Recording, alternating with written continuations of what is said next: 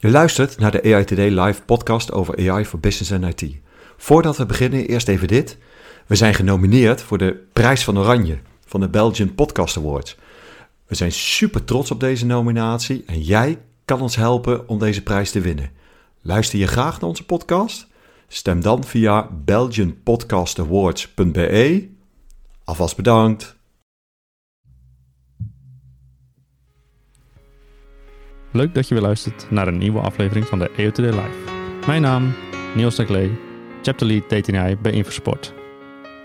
En ik ben Joop Snijder, CTO bij Agency. En uh, we hebben wederom uh, Rijk uh, Mercure te gast bij de aflevering. Vorige aflevering, mocht je nog niet geluisterd hebben, zeker een aanrader om even terug te luisteren. Um, in de vorige aflevering, Rijk, had je het over workshop die je geeft. Maar voordat we daar verder in duiken, misschien dat de luisteraars de eerste niet hebben gehoord, zou je even kort kunnen voorstellen. Dat is goed. Mijn naam is Rijk Mercure. Ik, ik heb een bachelor, master en PhD in Artificial Intelligence. En ik werk tegenwoordig bij Hiro, waar we ons inzetten voor verantwoorde AI. En uh, waar we workshops geven om de kennis over AI bij de bedrijven te brengen. Ja. Verantwoordelijke AI. Ja, Joop, Joop en ik hebben het er heel vaak over tijdens de podcast. Op de wandelgangen en dat soort zaken. Maar wat is voor jou verantwoordelijke AI? Um, ik denk dat het begint bij uh, waarde. Dus vaak bij technologie denken we aan waarden als efficiëntie. Um, nou ja, technologie maakt ons leven makkelijker, gemakkelijk. Maar uh, ja, je hebt uh, eigenlijk klassiek tien basiswaarden, volgens een uh, bekend model van Swartz. Mm -hmm. En uh, andere waarden daarin zijn bijvoorbeeld eerlijkheid en gelijkheid en transparantie. Um, en zulke waarden worden vaak gegeten bij technologie. En dat zijn wat mij betreft wat meer de menselijke waarden.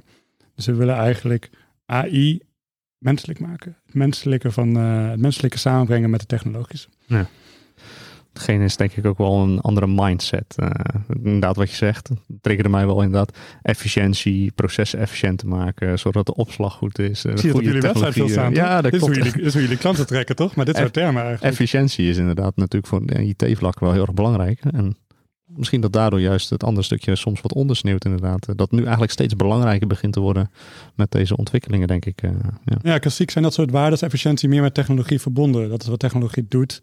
Het is, uh, ja, het is een beetje een uh, stokpaardje. Het slaat alles plat eigenlijk. Het maakt alles in duidelijke variabelen die het allemaal combineert. En uh, daardoor kan alles een stuk efficiënter zijn. Net zoals ja, er steeds, ja, misschien gaat het een beetje ver, steeds minder type schoenen zijn bijvoorbeeld of zo. Of ik heb maat nou ja, bijna 47 en een wat te brede voet. Ja. Uh, nou ja, daar kan je helemaal niet schoenen voor vinden, omdat het niet zo goed past binnen het systeem.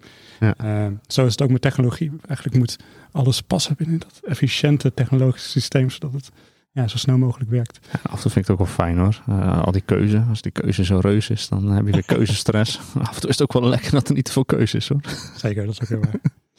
maar wel belangrijk inderdaad die je aangeeft inderdaad. het moet ook wel voor iedereen inclusief zijn. Dat jij ook gewoon schoenen kan halen. En zo ook jouw uh, AI-oplossing ook voor jouw toepassing uh, Precies, dat ook een gezichtsherkenning ja. is voor jou als jij een uh, ja, niet-witte huidskleur hebt. Ja, inderdaad, ja. en als... in, de, in de workshop, als je kijkt naar, naar de workshops die je gehad hebt, wat is nou de meest prangende vraag van degene die jij op de, de workshop langs krijgt? Nou, moet ik gelijk even met de billen bloot, want we hebben eigenlijk nog geen workshops gegeven. We zijn net begonnen. Oh, okay. ja. Dus dit is echt iets wat we nu van de grond proberen te krijgen. Maar ja. um, ik heb al wel veel gesprekken gehad met de Utrecht Data School over deze mm -hmm. workshop. Ja. Um, even kijken. En de vraag was, wat de meest prangende vraag is die je daar omhoog hoort komen. Um, mijn insteek is denk dat ik veel over bias hoor daarbij. Oh ja. Dus over hoe je daarmee omgaat. en wat ik ook merk bij de uh, gesprekken met Utrecht Data School en wat ik daarvan hoor, is dat eigenlijk willen zulke bedrijven echt heel graag ook meer bezig zijn met ethiek en met mensenrechten. Maar ja, er mist vaak een moment waarop ze dat kunnen. Er mist eigenlijk een reflectieruimte. Um, ja. En daardoor uh, krijgen ze eigenlijk, ja, ja in, ook weer in het efficiëntiedenken van het bedrijf, missen ze eigenlijk deze stap om, uh, om hier ethisch over na te denken. Ja, dat, uh, dat snap ik. Hey, en met die mensenrechten, gaat dat met de Data School dan over de IAMA? Impact Assessment, ja, mensenrechten en algoritme? Ja, oh, dus dat leuk. is het protocol wat we gebruiken. Uh, en daar begeleiden we mensen dan in een workshop in. Um, en we hebben ook uh, data protocol wat we ook gebruiken. Dat noemen we dus de workshop data ethiek. Um, nou ja, die, die, is wat meer gericht op data en ethiek. En de andere is dus meer gericht op algoritme en op mensenrechten. Meer juridisch, meer ethisch, meer data versus algoritme. Mm nou, daar hebben we denk ik twee hele belangrijke basissen al mee. Ja, data. Als je kijkt naar, die, naar die laatste workshop, wat is, wat is daar typisch de doelgroep voor? Um, dus op de, op... nou ja, we hebben het in de vorige aflevering gehad over een belastingdienst die, uh, die uh, een algoritme inzetten voor de toeslagenaffaire. Nou, het lijkt me heel verstandig geweest als zij een JAMA-protocol hadden ingevuld in onze workshop, uh, algoritme en mensenrechten hadden afgenomen. Ik denk dat dan ja, het idee dat misschien sommige variabelen wat gevoelig liggen, zoals nationaliteit, heel snel naar voren was gekomen. De impact op mensenrechten, dus het gelijkheidsprincipe hier in dit geval. Um, ook de onschuldpresumptie, dat, dat is het idee, je bent onschuldig totdat het tegendeel bewezen is. Mm ja. Nou ja, dat soort mensenrechten waren naar boven gekomen. En zoals ik ook in de vorige aflevering zei, dan kan misschien nog steeds zo uitvallen dat je denkt, nou dat, dat is het waard. Wij winnen hier zoveel mee dat we dat uh, ja, eigenlijk proportioneel vinden. Mhm. Maar waarschijnlijk was er uitgekomen, nou dit algoritme levert relatief weinig op en dit is zo pijnlijk, dit, moeten we gewoon niet doen. Ja. Die vraag van Joop nog even iets verder af te pellen, is uh, wat voor rollen uh, van businessrollen zou je dan verwachten in zo'n uh, workshop? Ja, dus dat is echt belangrijk bij de workshop, is dat we meerdere rollen aan tafel hebben. We willen eigenlijk dat er het gesprek wordt gevoerd tussen die rollen, wat normaal niet wordt gevoerd. Dus uh, hebben ze een jurist, dan willen we die aan tafel. Hebben ze een data scientist, uh, nou ja, de manager, projectbegeleider, maar ook degene die de externe communicatie doet. Ja. Het is ook heel belangrijk nou ja, dat je over zulke dingen nadenkt. Bijvoorbeeld wat ik net zeg, uh, we weten dat zulke mensenrechten geschonden worden, maar we vonden het in verhouding met het doel. Nou, als je zo'n verhaal op klaar liggen, dan, uh, uh, ja, dan is het ook te verkopen. Dan is het ook duidelijk voor de ander. Nou ja, dan weet je in ieder geval dat er ook over gesproken en over nagedacht is. Dat is al een geruststellend gedachte dat er over nagedacht is. Uh. Ja, precies. Ja. Leer, je, leer je in de workshop ook hoe je de mensenrechten ten opzichte van elkaar kan wegen? Want ja, dat... ik, ik, ik, ik heb toen, uh, zeg maar, uh, ik heb ook zo'n training gehad van uh, Iris Muis, hè, een van de, de schrijvers van, van de IAMA. Zeker, ben ik ook geweest. En zij heeft mij toen verteld van dat er 200 plus mensenrechten zijn. En uh, daar schrok ik echt enorm van. Dat wist ik niet eens. Ik je niet allemaal uit je hoofd. Uh, ja. Alle 200 noem ze. Nee, nee, ja. nee, zeker niet. Maar zeker vooral dat je, wat ik daar in ieder geval uit mee heb genomen, is van, ja, als je goed doet voor de een, uh, heb je op zijn minst, zeg maar, aan de andere kant van de weegschaal, dat je slecht bent voor een ander. Ja, ik vind dit eigenlijk ook het lastigste aan de aan nou ja, zo'n workshop, aan uiteindelijk proberen hier ethische beslissingen in te nemen, is dat je een afweging moet maken tussen iets wat bijna niet afweegbaar is. Dat noemen we in de wetenschap incommensurabel. Dus uh, dat betekent dat het niet eigenlijk op dezelfde lijn ligt. Dus een mm, bijvoorbeeld vriendschap en, en geld verdienen of zo.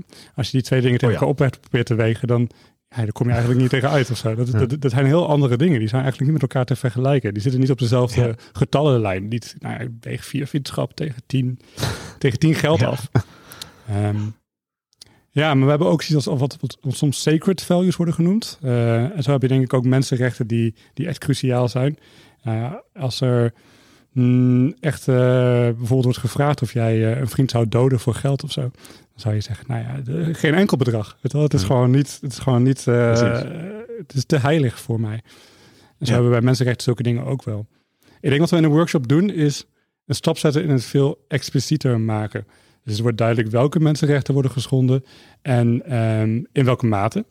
En ja. Um, nou ja, dan heb je dus nog steeds dat laatste stukje wat je gewoon als organisatie moet doen, waar geen één antwoord op is. En dat is uiteindelijk daar een, een, moeilijke politieke afwegingen maken. Maar we hebben in ieder geval alle data op tafel. Ja, ja precies. Ja. En het zijn ook inderdaad denk ik echt persoonlijke afwegingen. Hè? Want uh, het gaat over, er ligt geen, geen jurisprudentie onder. Want anders dan kan je de keuze heel makkelijk maken. Want dan heb je gewoon wetgeving. En dit gaat juist over een braakliggend terrein waarin je zelf de keuze moet maken. Of heb ik dat verkeerd begrepen? Dat klopt, ja. En een persoonlijke keuze, ja, je ziet ook dat mensen soms daar gewoon andere afwegingen in maken. Uh, en dan gaan die mensen hopelijk met elkaar in gesprek. En uiteindelijk, zoals bij heel veel politieke dingen, proberen we dan toch uh, ja, voor nu meer in te zetten op duurzaamheid. Ook al kost dat ook meer geld of zo. Uiteindelijk vinden we toch, ja, denken we toch dat dat is belangrijker. Ja, Kan ik daar dus eigenlijk mee concluderen dat we bij de implementatie hopelijk op den duur ook zien wat een beetje de cultuur en de ethiek van een organisatie of van een oplossing is?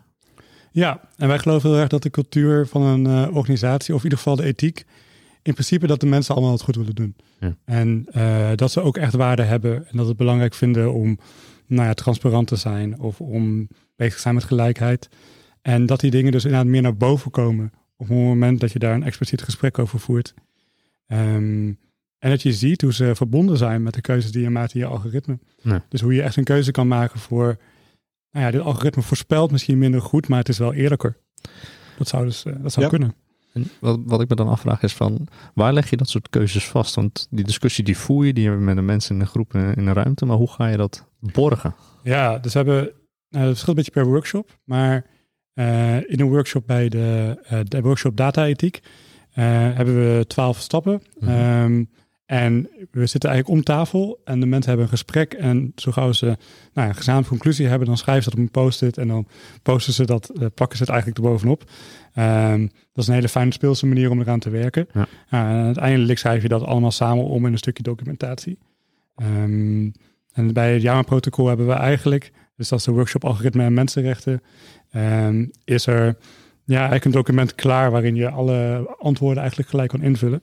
En dat is dus ook uh, ja, gelijk je verantwoording, dat document. Wat je inderdaad kan representeren als er, uh, als er een volgende toeslagenaffaire is. En, uh, en, mensen vragen hebben. Het liefst voorkomen natuurlijk.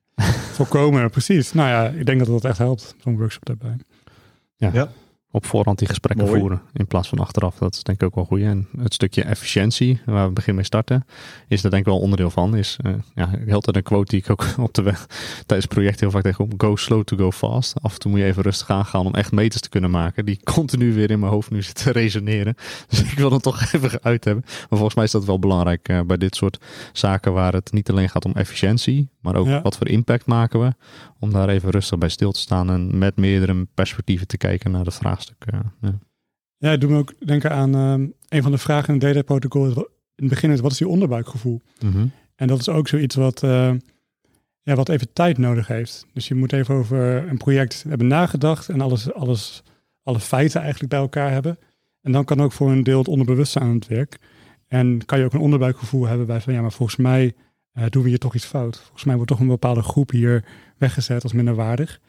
Um, dat is niet genoeg. Je moet het natuurlijk nog steeds uitwerken. Onderbuikgevoel is niet het enige waar we op af willen gaan. Maar wat ik daar interessant aan vind, is dat mensen kunnen dus heel veel met eigenlijk een onderbewust gevoel, met een intuïtie. En dat is ook waar onze ethiek uiteindelijk op gestoeld is. Het is uiteindelijk zijn het intuïties over bepaalde gevallen die we proberen te rijmen allemaal. Ja, dat kunnen we dus niet overlaten aan techniek. Dat is iets wat mensen juist heel goed kunnen. Die kunnen zoveel verschillende input meenemen, zoveel sociale variabelen over hoe dit gesprek loopt en, en welke rollen we daarin hebben en welke staat we daarin hebben. Um, dat kan op dit moment in ieder geval een, een AI nog helemaal niet. Daarom is het zo belangrijk dat ja, we dus ook luisteren naar de mensen die dan die algoritmes maken en uiteindelijk uitvoeren. Mooi hè? Want... Vind je dat, uh, dat, dat je dat IAMA uh, en de ethische vraagstukken voor ieder AI-model zou moeten voeren? Uh, ja, ik heb deze vraag zelf ook gesteld aan iemand in de podcast. um, mm, wat ik hier lastig vind, is dat je ook um, bepaalde creativiteit en een soort speeltuin voor mensen wil waarborgen. Je wilt ook dat mensen die werken aan algoritmes, dat ze uh, creatief kunnen zijn, dat ze het gevoel hebben dat ze iets mogen uitproberen op het moment dat het in werking gaat en dat het dus ook echt impact heeft, um, vooral natuurlijk wat uh, gevoelige impact, ja, dan moeten we echt zo'n gesprek daarover voeren. Maar ik kan me goed voorstellen, een vriend van me werkt bij uh, een elektriciteitscentrale en die werkt met weerdata. Nou, volgens mij is weerdata echt een klassiek geval van dat het helemaal niet gevoelig ligt. Dus, uh, ja. hebben geen privacy voor de weer of de aarde precies. Nee, wel bepaalde emotie, maar geen privacy, nee. Geen emotie, jij, jij hebt emotie overgedreven, ja, zeker wel. Ja, jouw interpretatie misschien. Ja. Uh, ja, dus er zijn ook wel gevallen... Um, er zijn trouwens ook gevallen waar machine learning klassiek het goed doet. Hè? Dus zo gauw uh, er minder menselijke aspecten in de data zitten, hoe beter eigenlijk machine learning werkt. werkt. En hoe meer het gaat over sociale, complexe problemen. Dus we, we hinten eerder even naar... Uh, Cambridge Analytics. Dat was voor mij de, ja, de vorige aflevering over hoe daar misschien een politieke impact is geweest van het gebruik van Facebook-data. Um, ja, dat, dat wordt gezegd, maar dat is volgens mij extreem complex. Om echt eh, te voorspellen wat mensen gaan stemmen op het eh, gebruik van een Facebook. Tenminste, meer dan de, een, simpel algoritme zou kunnen. Dus hoe meer, hoe, meer, hoe meer menselijke aspecten, hoe meer emotionele aspecten, hoe meer ethische aspecten erbij komen kijken, hoe slechter machine learning eigenlijk is in een goede voorspelling maken. Ja, Zijn er voor jou ergens grenzen dat je zegt van hier zou ik het niet voor inzetten? Um, je zou het überhaupt niet, nou ja, ten eerste bij alles wat op een simpelere manier kan en op een transparantere manier. Dus ik denk dat we heel vaak gewoon een Excel-sheet genoeg hebben en dat we niet een heel AI-model nodig hebben. Um, Bij heel veel andere gevallen, en dat zijn klassieke voorbeelden als uh, killer drones of uh, bij inderdaad dingen waar fraudedetectie vind ik ook een spannend geval nu. Aanbevelingssystemen vind ik ook spannend. Um, daarbij gaat het erover dat er zo gauw het impact op mensen heeft dat er een human in de loop zit. Dus dat op zich mag je wel een algoritme gebruiken, maar dan moet altijd een mens het algoritme interpreteren en controleren voordat we daadwerkelijk het effect laten hebben op de wereld. Ehm, ja, dan, Dan, dan, is explainability denk ik ook wel heel erg van belang. Want als je dat alsnog wil inzetten, dat je wel goed kan verklaren hoe het tot stand gekomen is en dat het begrijpbaar is om de keuze goed te kunnen maken. Precies. En wat misschien ook wel goed is om te zeggen, is we vergeten ook dat AI klassiek eigenlijk twee delen heeft. Dus we praten heel veel over wat het subsymbolische deel wordt genoemd. Dus dat zijn de machine learning modellen. Uh, maar eigenlijk is er ook wat soms de good old-fashioned AI wordt genoemd. Symbolische deel. Uh, en dat is, uh, ja, heel vroeger waren dat expert trees. Dus een soort bomen waar je doorheen ging om een soort ja-nee beslissingen te maken. Um, en dat is klassiek veel transparanter. En de uitdaging waar we nu voor staan is om die twee weer bij elkaar te brengen. Dus uh, machine learning modellen blijken ja, gewoon echt heel goed te werken. Dat is ook wel grappig om mee te maken. Tien jaar geleden waren mijn promotoren bijvoorbeeld echt nog heel sceptisch daarover. Die waren nog een beetje in de ontkenning van... Uh, ja, dit is niet wat wij doen, dus het zal wel niet, het zal wel niet heel succes hebben. Maar het is nu echt onontkenbaar dat dit het meeste effect heeft op de maatschappij en het meeste wordt ingezet. En ja, ook wel het meest effectief is op bepaalde vlakken. vlakken. En nu willen we op een of andere manier weer iets hybrids hebben. We willen weer het symbolische combineren met het subsymbolische. Het uitlegbare. Die symbolen zijn meestal uitlegbaar, daarom worden ze symbolisch genoemd. Mhm. Tegenover ja, subsymbolisch, dus iets wat tussen symbolen in zit, met allemaal nulletjes en eentjes. Uh, en uh, nodes in een neural netwerk die geen betekenis meer hebben en die niet uitlegbaar zijn. Dus ik heb geen heel college te geven over AI, maar... ja, leerzaam. Oh Joop, Joop valt, weg. valt even Ik, uh, ik hoor je niet meer. Ik had hem op mute staan. Ah, uh, ja, is, uh, een van mijn honden die is nog af en toe nog wel eens verbaal. Dus dan druk ik hem even uit. nu was je zelf ook niet verbaal. Nee, daarom. Uh, nee, uh, juist explainable AI, interpretable machine learning is echt een, ja, een vak, zeg maar, wat, waar ik heel veel passie voor heb. Dus daar kunnen we het niet genoeg over hebben, wat mij betreft. Nee. En zeker die terug, weet je, naar Kijk, jij zei net niet alleen van uh, ja, als je het makkelijker, eenvoudiger kan oplossen, moet je misschien helemaal niet met machine learning beginnen. Mm helemaal mee eens. En de volgende stap is eigenlijk, kan je het met een zo eenvoudig mogelijk algoritme, het liefst zo interpreteerbaar mogelijk oplossen. En als dat niet lukt, weet je, dan ga je eigenlijk pas kijken, wat mij betreft, zeg maar naar stappen verder. Uh, dus je, je, je black box is wat mij betreft je laatste redmiddel of zo. Ja. Uh, en dat, dat, dat wordt nou wel eens vergeten. Zeg maar, we zijn zo bezig met, met alle nieuwste van het nieuwste. Uh, alle, alles, zeg maar, hoe, hoe complexer de algoritmes, hoe we meer denken dat dat oplossingen biedt. En we vergeten eigenlijk een heel deel wat gewoon heel goed werkt op best wel hele eenvoudige manieren. Zeker. Mijn PhD ging eigenlijk over uh, computersimulaties maken. Uh, dat is ook een deel van kunstmatige intelligentie. En dat is dus heel kennisgedreven, waarbij je ook, nou heb je ook verschillende stromingen, maar een van de stromingen is uh, keep it simple, stupid. Ja. En dat is eigenlijk, je begint met een soort simpel mogelijk model van de werkelijkheid en je bouwt steeds verder. En vanuit kennis die je hebt uit papers, maar ook vanuit expert-interviews, probeer je langzaam steeds meer te begrijpen van oh, hoe maakt een mens bijvoorbeeld een keuze, of hoe, hoe werkt het systeem. Um, zodat je begrijpt wat de simulatie doet, uh, waarom je dat hebt toegevoegd, uh, hoe uiteindelijk wat er uit de simulatie komt in verhouding staat tot wat erin is gestopt. En dus ook de mechanismes waardoor het gebeurt heel expliciet hebt, waardoor het heel uitlegbaar is. Uh, dat, dat verhaal mis ik eigenlijk heel erg in de AI-discussie nu. Dat, dat, dat, is helemaal ondergesneeuwd door ja, big data en machine learning modellen eigenlijk. Ja, ja, ik denk dat dat ook weer een stukje is. Het is best complex om iets simpel te maken. En hier zeggen we, we moeten het simpel maken, simpel starten. En ja, nu wordt het ons soms makkelijk gemaakt om het complex te maken. En dat is echt wel zonde op in sommige gebieden, naar mijn mening. Ja. Ja, ik moet nog denken, dit is wel klassieke machine learning een, een, manier dat je zo min mogelijk variabelen in je model wilt. Je wil eigenlijk dat het zoveel mogelijk voorspelt met zo min mogelijk variabelen erin. Dus er zit wel een, uh, een soort neiging naar simplicity. Maar misschien niet in de transparantie of in de mechanismes. Ik denk dat dat aspect met name dan wat onderbelicht is inderdaad uh, voor dat gedeelte. Ja. ja. Nog, nog jullie tegen met nee, nog een. Kijk, ga ik toch weer met data. Sorry, toch weer over data. Maar we hadden het net over zaken waar het bij de maatschappij komt, bij de mensen, bij de emotie. Missen we daar ook niet eigenlijk gewoon het stukje input en stukje data tot onze beschikking hebben over ons onderbuikgevoel? Vraag ik me dan af als ik jullie zo hoor praten. Het is bijna alsof je een paradox zegt of zo. Hè? Het onderwijkgevoel dat we daar de data over missen. Ja.